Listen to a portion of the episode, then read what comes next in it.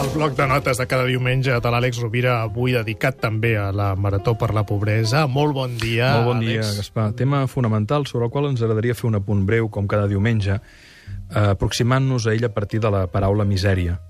És molt interessant anar a l'etimologia de les paraules. Per cert, l'etimologia de la paraula etimologia ve del grec etimos, veritat, logos, coneixement, comprensió, saviesa. Per tant, l'etimologia ens remet a la comprensió de la veritat, a la saviesa sobre la veritat, no? I, curiosament, l'etimologia de la paraula misèria vol dir incapacitat d'estimar. És a dir, el miserable és incapaç d'estimar. Hi ha dos tipus de misèria a partir d'aquesta definició. No? La misèria econòmica, que és òbvia, és a dir, les persones que no tenen recursos per una vida digna, per un sostre que els aixoplugui, per, un, per una aigua que els permeti la sanitat, per un menjar, per una educació.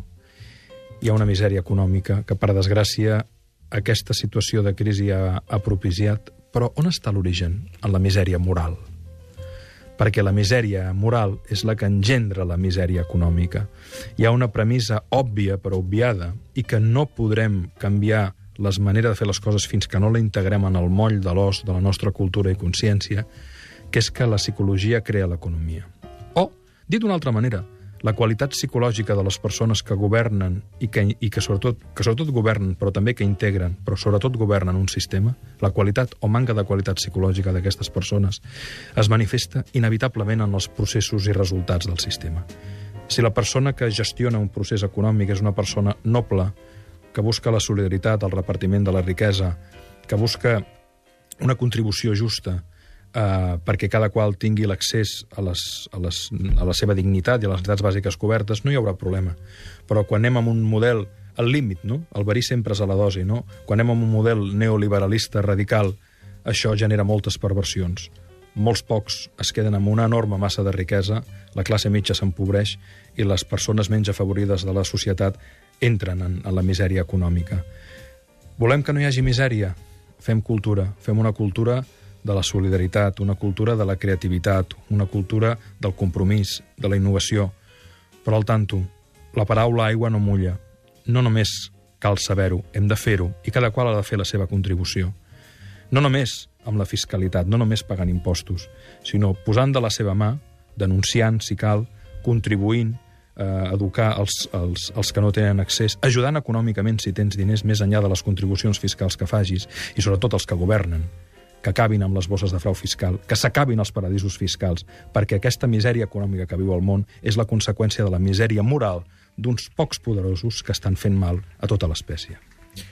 L'Àlex Rovira, contundent avui, més contundent del que és habitual. Recordo que És que, l'Àlex... és que el tema no admet eh, posicions tèbies.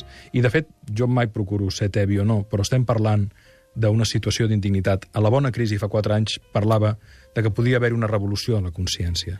Però resulta que els que han, generat la perversió segueixen sense cap mena de punició. Fa poc vaig estar en un centre penitenciari. Els lladres de guant, de guant blanc no hi són allà. I són la gent que de vegades té que robar per donar un tros de pa als seus fills. Alguns, i en altres que han fet delictes molt més greus. Però, en canvi, els grans lladres acaben assessorant els poderosos. I això s'ha de dir. No hi haurà fi de la misèria econòmica fins que integrem el fi de la misèria moral.